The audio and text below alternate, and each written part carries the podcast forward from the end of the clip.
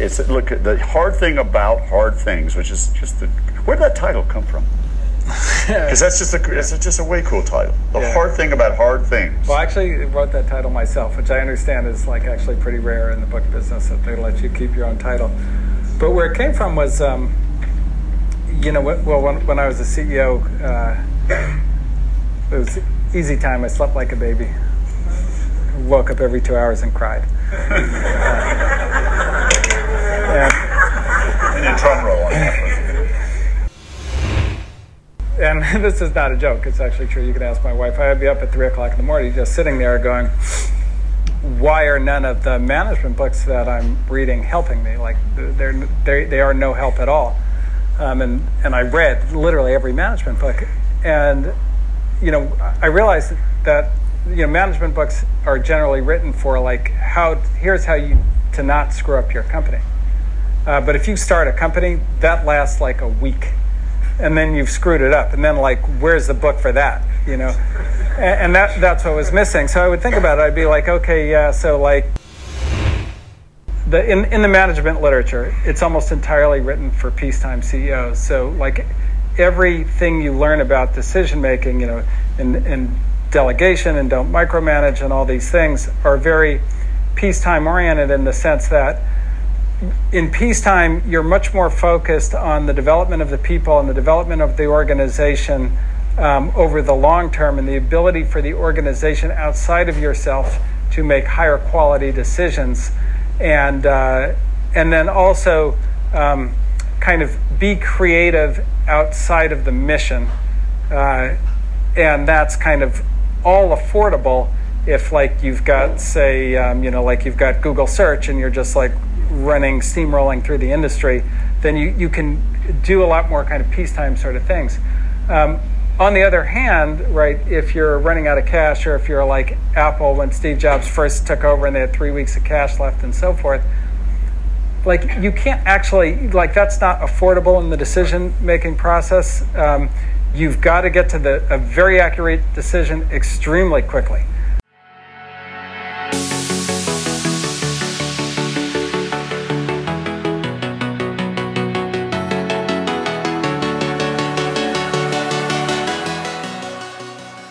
Halo semuanya, ketemu lagi sama gue Aditya Hadi alias Kutu Baca Buku di podcast Buku Kutu. Dan kali ini gue akan ngebahas sebuah buku yang menurut gue adalah Salah satu buku yang wajib dibaca oleh kalian yang pengen banget jadi founder startup. Di awal tadi mungkin kalian udah sempat dengerin kalau judul bukunya adalah The Hard Thing About Hard Things Building a Business When There Are No Easy Answers karangan dari Ben Horowitz. Buku ini terbit tahun 2014 dengan jumlah halaman sekitar 304.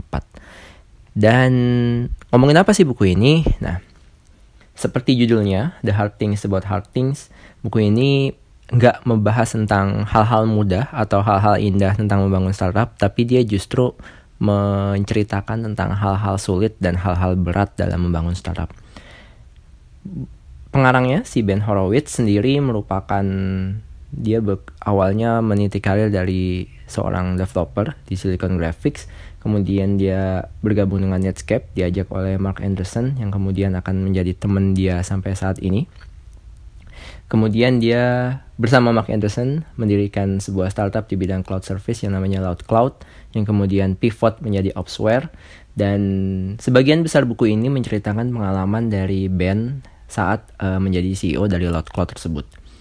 Dan kemudian setelah membawa Loud Cloud IPO, kemudian Loud Cloud juga dijual dan kemudian dia sendiri pivot menjadi Opsware dan Opsware sendiri juga dijual ke HP dan setelah itu dia keluar dan bersama Mark Anderson kembali dia justru membangun sebuah perusahaan modal Ventura yang namanya Anderson Horowitz atau biasa disingkat A16Z ketika mendirikan Anderson Horowitz, Ben sendiri mengatakan bahwa satu-satunya hal yang membuat mereka berbeda dan lebih baik dibanding modal, perusahaan modal ventura atau venture capital yang lain adalah mereka punya pengalaman dan bisa mengajari para founder-founder startup yang menjadi portofolio mereka untuk menjadi perusahaan yang lebih baik. Kenapa dia bisa melakukan itu ya karena Ben udah mengalami berbagai hal yang berat dan tantangan yang cukup pelik ketika dia mendiri, membesarkan Cloud dan Opsware. Karena itu dia juga sempat bikin-bikin beberapa artikel hingga akhirnya merangkum pengalaman dia secara keseluruhan dalam buku The Hard Thing About Hard Things ini. Awalnya Ben cerita tentang perjalanan dia. Awalnya sesuai namanya dia awalnya dari Eropa, dari sebuah negara kemo, uh, sebuah negara komunis yang kemudian dia ke Amerika. Jadi di awal buku ini Ben cerita tentang bagaimana perjalanan dia di Netscape. Dia diinterview oleh Mark dan dia harus menghadapi sebuah giant atau raksasa yang namanya Microsoft. Microsoft waktu itu juga hadir. Jadi kalau kalian nggak tahu Netscape, Netscape itu semacam web browser dan waktu itu mereka harus bersaing dengan Internet Explorer, yaitu web browser yang punyanya Microsoft. Dan waktu itu Microsoft sempat mau uh, ngebundling Internet Explorer dengan sistem operasi Windows 95 dengan gratis. Dan itu menjadi tantangan tersendiri, tapi akhirnya Ben berhasil uh, menghadapi hal tersebut.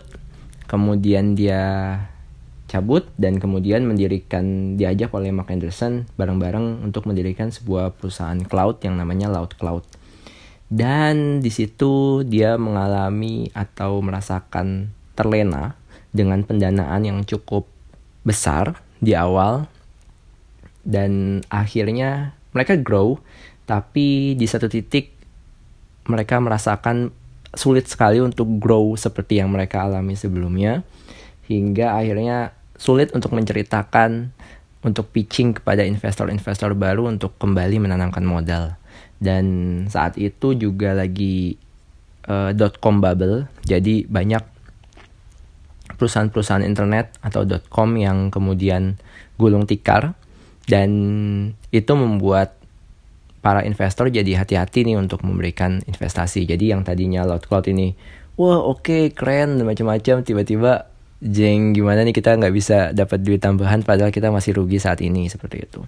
Akhirnya mereka memutuskan untuk masuk bursa saham, tapi itu juga nggak gampang karena tadi uh, iklim investasi lagi buruk, uh, perusahaan-perusahaan internet banyak yang bertumbangan dan itu nggak cuma berpengaruh dari sisi investasi, tapi dari sisi konsumen mereka. Jadi banyak user dari Loud Cloud itu sendiri yang merupakan perusahaan internet dan jadi gulung tikar juga. Jadi dari sisi investasi udah sulit dan dari sisi konsumen mereka juga banyak yang bangkrut dan akhirnya nggak pakai mereka lagi gitu. Jadi double lah istilahnya.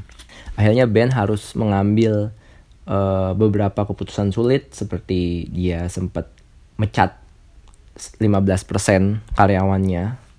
Dan kemudian dia ketika masuk bursa saham pun dia harus split stok dari atau saham milik karyawan. Jadi karyawan yang misalnya bisa dapat uh, berapa 100 stok dia cuma dapat 50 stok dan seperti itu. Dan kemudian harga saham setelah masuk bursa juga sempat turun hingga dia bingung mesti kayak gimana.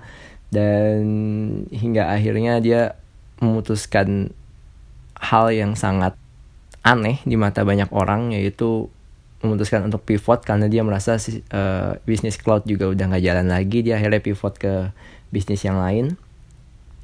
Tapi di bisnis yang baru juga dia sempat uh, ada masalah sama klien terbesarnya dia jadi pendapatan.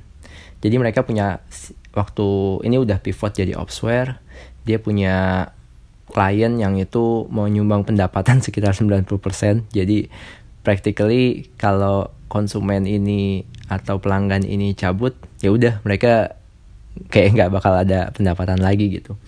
Waktu itu mereka coba gimana caranya biar si klien ini tetap sama mereka. Dan oke okay, klien itu akhirnya bilang oke okay, lu beresin masalah ini tapi harus selesai dalam waktu 60 hari. Dan akhirnya band dan timnya gimana caranya biar selesai dalam 60 hari nggak akhirnya mereka berhasil dan akhirnya kemudian dia juga berhasil menjual Opsware ke HP dengan harga 1,6 miliar. Yeay gitu ya. Mungkin apa yang diceritain band di sini mungkin kalian beberapa dari kalian cuma ngelihat oh dia susah-susah abis itu dia berhasil menjual dengan 1,6 miliar gitu. Tapi kalau kalian benar-benar membaca buku ini, kalian akan benar-benar merasakan gimana galaunya si Ben dan beberapa timnya. Bagaimana mereka harus berjibaku hingga akhirnya mereka harus merelakan nggak berkumpul sama keluarga. Bahkan ada satu titik di mana Ben tuh lagi sibuk banget sama kerjaannya. Istrinya tuh sempat kena stroke atau koma dan mertuanya si Ben ini nggak ngasih tahu sama sekali. Uh, tenang ketika akhirnya istrinya udah baikan baru si mertuanya tuh kayak ngasih tahu karena dia tahu si Ben ini lagi bener-bener sibuk bahkan ada satu titik di mana Ben dan timnya harus ngejar target hingga akhirnya mereka dia ngumpulin semua karyawannya dan dia bilang gue butuh lo buat waktu dalam waktu 6 bulan ke depan. Lo mesti stay di kantor, lo mesti datang pagi, lo mesti pulang lebih malam. Gue akan beliin lo makan dan gue akan tetap di sini nemenin lo. Kita akan bareng-bareng buat nyelesain masalah ini. Dan karena para timnya udah percaya dengan kepemimpinan si Ben, akhirnya mereka mau dan ya akhirnya berhasil gitu ya. Dan inilah di mana kepemimpinan seorang CEO menurut Ben sangat diuji. Menurut Ben, leadership itu ada satu kata-kata dia yang menarik banget yaitu leadership is ability to get someone follow you even if only out of curiosity. Jadi Ben sendiri nggak? Dia mengakui di buku ini kalau dia nggak bukan tipe pemimpin yang emang ngerti dari awal. Dia awalnya uh, developer yang mungkin nggak ngerti apa-apa soal leadership soal tim manajemen dan lain sebagainya tapi dia terus-terusan belajar dan dia berusaha untuk ngajak timnya dia buat kayak ngikutin dia gitu. Dan ya in a way terkadang emang gagal tapi dengan beberapa dengan beberapa keputusan dia yang akhirnya berakibat buruk tapi in the end dia bisa bekerja keras hingga akhirnya berhasil menjual startupnya dengan harga yang cukup fantastis waktu itu. Yang sebenarnya hmm, dia nggak menganggap itu sebagai sebuah kesuksesan tapi dia menganggap itu sebagai cara untuk menyelamatkan dirinya dan uh, timnya yang udah bekerja keras bersama dia selama ini seperti itu sih. Jadi di buku ini kalian bisa dapat banyak banget hal uh, pelajaran-pelajaran quote-quote menarik seperti struggle is when greatness come from jadi emang struggle ini adalah kalau kalian ketemu ke kesusahan itu ya dari situlah jiwa kepemimpinan kalian tuh diuji gitu. Uh, yang kedua kalian itu harus step by step. Jadi band sendiri nggak nggak pernah bermimpi atau berencana dari awal. Oke okay, nanti gue mau jual perusahaan gue. Oh gue mau IPO nggak gitu. Jadi emang dia kayak step by step. Ya udah kayak dia mengan menganalogikan kalau jalanin startup itu kayak dia lagi di tengah hutan hanya bermodal center ya udah dia ngikutin aja hal yang harus dilakukan oleh CEO hal terpenting yang harus dilakukan CEO adalah mengambil keputusan yang benar gitu aja sih kemudian selain itu dia juga menyarankan untuk selalu fokus pada hal positif bukan hal yang negatif. Seperti kalau kita ngerekrut karyawan oh dia jelek-jeleknya ini gini gini gini gitu. Kita nggak boleh fokus pada itu tapi kita lihat dia punya nggak kelebihan yang bisa membantu kita yang bisa justru membantu kekurangan kita sebagai CEO atau kalau dia orang sales uh, bisa nggak dia membantu manajer sales dalam mengatasi berbagai macam hal seperti itu kalau kita dalam start membangun startup itu harus fokus pada tiga hal. Tapi tiga halnya ini sesuai urutan. Yang pertama adalah people product dan profit. Jadi kita harus mulai dari people dulu. Karena kalau nggak ada people yang baik nggak akan bisa membuat produk yang baik. Kalau nggak ada produk yang baik kita juga nggak akan bisa dapat profit gitu. Jadi urutannya harus jelas people dulu produk dulu abis itu profit. Kemudian di buku ini juga ada strategi untuk memilih bos misalnya kalau kalian CEO gimana caranya milih CMO milih CFO atau mungkin uh, eh, VP of engineering dan lain sebagainya kemudian bagaimana kalian mengatur promosi dari uh, oh de developer junior developer ke senior developer kemudian ke VP engineering dan sebagainya.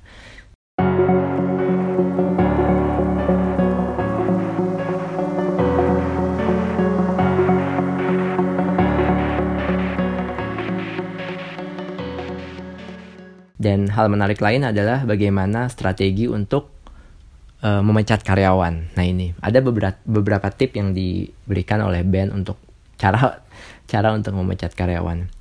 Yang pertama tuh kalian harus fokus pada masa depan. Jadi kalian nggak usah baper, ngeliat, duh gimana ya gue mesti pecat karyawan enggak gitu karena kalau kalian nggak ngelakuin itu itu akan bermasalah kan di depan jadi kalian harus fokus ke masa depan itu yang pertama kalau kalian ingin memecat karyawan. Kedua jangan delay. Karena kalau kalian delay dan tiba-tiba beritanya bocor duluan ke karyawan yang lain itu akan jadi masalah. Kalian akan susah menjelaskannya. Jadi kalau emang kalian mau memecat karyawan A ya udah langsung aja kalian panggil karyawan A gitu. Kemudian yang ketiga kalian mesti ngejelasin bahwa keputusan pemecatan itu adalah kesalahan atau kegagalan dari perusahaan untuk membangun bisnis. Jadi bukan semata-mata oh lu jelek makanya lu gue pecat. Nggak bisa kayak gitu. Karena yang rekrut dia siapa? Kemudian yang menempatkan dia di posisi itu siapa? Yang bikin dia terus-terusan dalam kegagalan hingga akhirnya dia harus dipecat siapa? Itu. Jadi ketiga kalian harus jelaskan kepada orang itu dan ke diri kalian sendiri bahwa ini bukan kegagalan personal, ini bukan kegagalan siapa pun, tapi ini kegagalan perusahaan dalam membangun bisnis. Yang keempat, kalian juga harus mengumumkan hal tersebut kepada seluruh karyawan yang lain agar mereka jelas, oh alasannya apa dia dipecat, uh, kemudian implikasinya apa, dan setelah ini perubahannya seperti apa, seluruh karyawan harus tahu. Dan yang kelima, kalian harus di sana. Di sana itu artinya kalian stay di kantor mungkin kalian ah aduh gue habis mencat karyawan gue bete gue mau pulang aja gue mau tidur nggak nggak bisa kayak gitu kalian harus stay di kantor kalian harus terima kalau ada orang-orang yang mau menanyakan berbagai macam hal sama karya kalian dan kalian harus menjelaskannya kepada mereka. Dengan begitu mereka akan merasa oh iya bos gue ada di sini bos gue siap untuk ngejelasin segalanya buat gue dan karena masalah yang bisa terjadi ketika kalian memecat satu karyawan atau mungkin banyak karyawan, maka ada potensi karyawan yang lain akan uh, akan turun semangatnya dalam membangun perusahaan. Nah, jangan sampai hal itu terjadi. Itulah yang harus kalian cegah. Jadi lima hal tadi harus kalian jelasin. Dan hal lain yang juga menarik buat gua adalah uh, bagaimana Ben ngejelasin bagaimana strategi ketika ada seorang eksekutif atau contoh uh, kalian CEO kalian punya uh, eh, COO kalian punya CMO gitu. Bagaimana kalau CMO kalian protes terhadap COO? Wah, COO tuh si si si bapak CEO tuh kayak gini gini gini. Nah, bagaimana kalian mengatasinya? Menurut Ben, kalian harus bedain dulu. Pertama, komplain itu soal behavior atau perilaku atau soal kompetensi dan pekerjaan dia. Kalau soal perilaku, maka kalian maka yang harus kamu lakukan adalah menyatukan si COO dan CMO tadi dalam satu ruangan, yuk ngobrol bareng. Gimana, apa masalahnya, apa solusinya. Itu kalau komplainnya soal behavior. Tapi kalau komplainnya soal kompetensi, sikap kerja, dan lain sebagainya, ada dua pilihan lagi. Yang pertama, komplain itu kamu sebagai CEO udah tahu atau belum? Kalau kamu udah tahu, maksudnya, wah oh, si si apa si Emo ini komplain kalau CEO ini nggak uh, kompeten dalam bidangnya. Dan kamu udah tahu kalau dia nggak kompeten dengan berbagai macam indikasi. Ya berarti itu artinya kamu udah terlalu lama mendiamkan ketidakkompetensian itu. Dan terus solusinya gimana? Ya solusinya kamu harus pencet saat itu juga si CEO tadi. Karena itu artinya kalian kamu sendiri sebagai CEO CEO udah merasakan wah dia nggak beres. Orang lain juga merasakan wah dia nggak beres. Ya udah apalagi yang mesti dipertahankan. Tapi kalau komplain itu sesuatu yang kamu belum tahu jangan langsung menyetujui apa yang disampaikan oleh orang yang komplain tadi.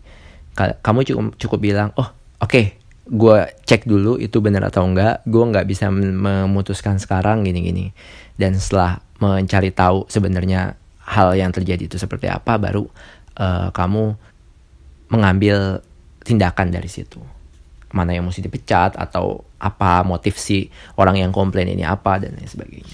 Dan kemudian hal menarik lain juga adalah soal budaya. Jadi dia mencontohkan budaya dari tiga startup.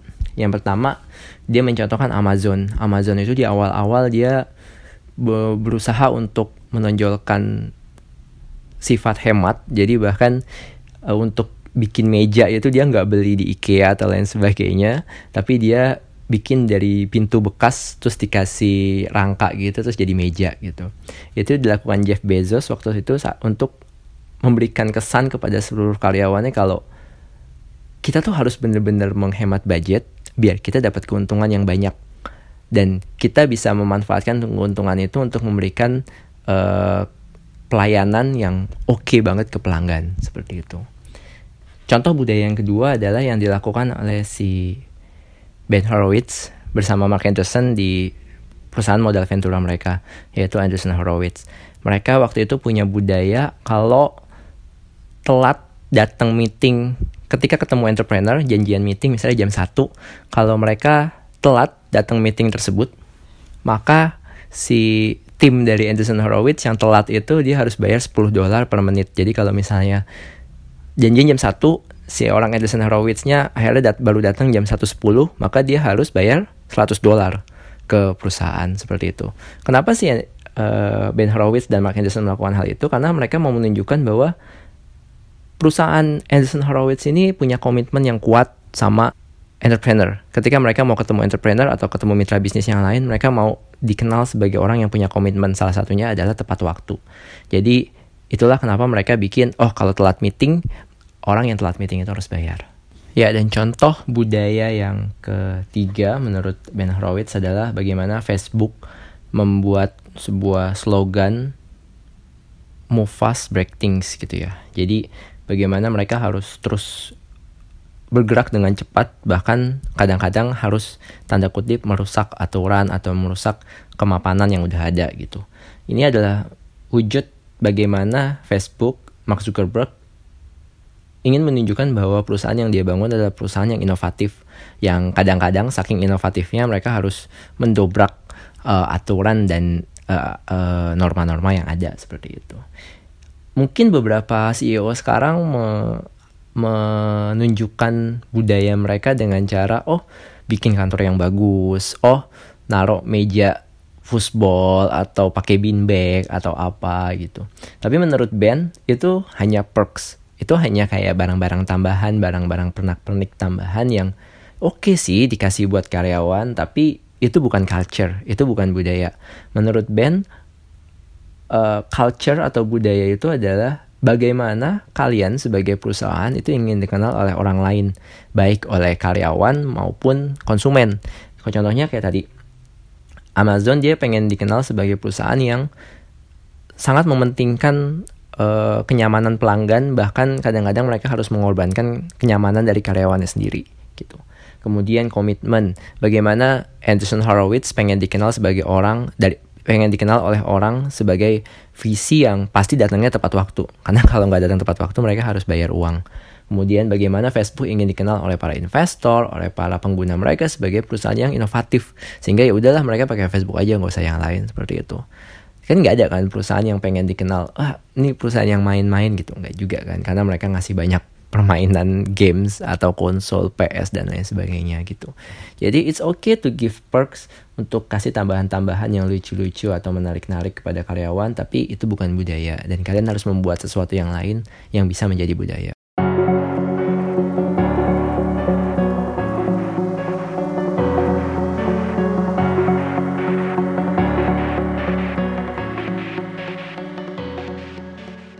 itu tadi sekilas tentang apa yang ada di dalam buku The Hard Things About Hard Things ini karangan Ben Horowitz. Kalian bisa baca sendiri lebih lanjut kalau kalian pengen tahu. Gimana sih caranya? Tadi belum jelas tuh bagaimana caranya mecat karyawan. Kalian pengen tahu kalian langsung baca sendiri. Bagaimana caranya memilih eksekutif CMO atau CEO yang sesuai dengan karakter perusahaan kalian. Kalian juga bisa baca sendiri di situ. Intinya Mungkin kalian udah dengar di awal bagaimana si Ben menjelaskan bahwa awal ide dia membuat buku ini adalah karena dia ngelihat buku-buku manajemen, buku-buku startup yang ada beredar di, di pasar sana waktu itu tahun 2014 kebanyakan ngejelasin soal hal-hal baik, hal-hal yang mungkin bisa kalian lakukan di masa-masa indah. Contoh, wah kalian kalau harus kalau bikin perusahaan harus tentukan visi yang indah, visi yang bagus, visi yang menuju masa depan. Oh, kalian harus merekrut karyawan yang terbaik yang bisa kalian rekrut seperti itu. Oke, okay, tapi kalau kita telanjur nggak punya visi di awal, kemudian kita juga udah telanjur merekrut orang yang nggak baik, terus apa yang mesti kita lakuin? We're fuck off. apa yang harus kita lakuin dan itulah yang coba diatasi oleh coba dijelaskan oleh Ben Horowitz dengan buku Hard Thing About Hard Things ini gitu.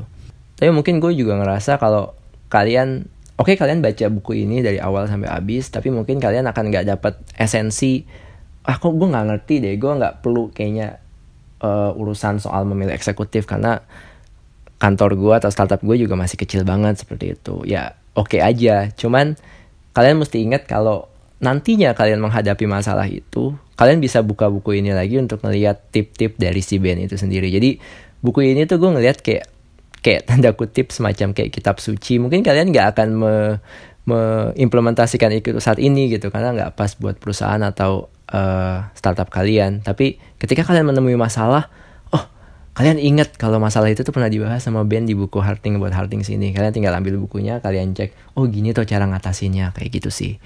Jadi buku ini pas banget kalau gue boleh ngasih bintang ya 5 over 5 sempurna buku ini untuk para founder startup, calon founder startup juga. Pokoknya se semua orang yang berkecimpung di bidang startup mau kalian uh, karyawan biasa atau kalian CEO atau apa ya kalian kayak wajib lah baca buku ini gitu. Mungkin kalian ngelihat sekarang kayak oh bikin startup sekarang udah kayak gampang banget gitu dan Ben sendiri juga mengakui bahwa sekarang hambatan finansial mungkin zaman dulu kalau kita mau bikin startup nyari visi itu susah banget gitu. Tapi sekarang visi itu udah kayak banyak banget mereka justru ngejar-ngejar uh, cari-cari founder untuk diberikan investasi gitu.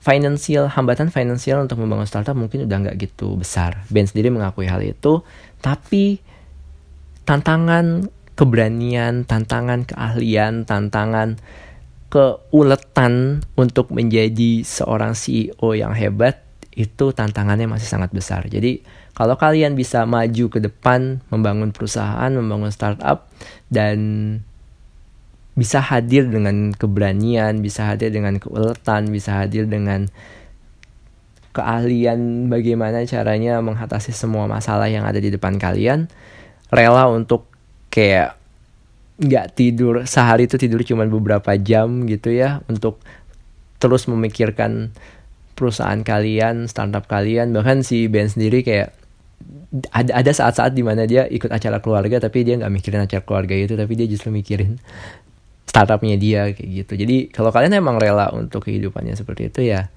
silahkan karena dengan kayak gitu mungkin kemungkinan kalian untuk bisa membuat startup yang bagus akan lebih besar dan ya yeah, we hope the best for you. I think that's all from me. Buat kalian yang mau tahu, mau ngasih saran atau kritik atau apa pun komentar buat gua untuk podcast ini, untuk buku yang gue bahas ini, kalian bisa langsung aja kirim email ke aditya.hadi@gmail.com. Bisa juga lewat Instagram at adityahadi, Twitter at adhert underscore a. Gue juga sekarang lagi aktif nulis di Medium. Kalian cari aja medium.com slash at Aditya Hadi. Oh ya podcast ini juga udah ada di berbagai macam platform mulai dari Spotify, SoundCloud dan macam-macam kalian cari aja podcast buku kutu.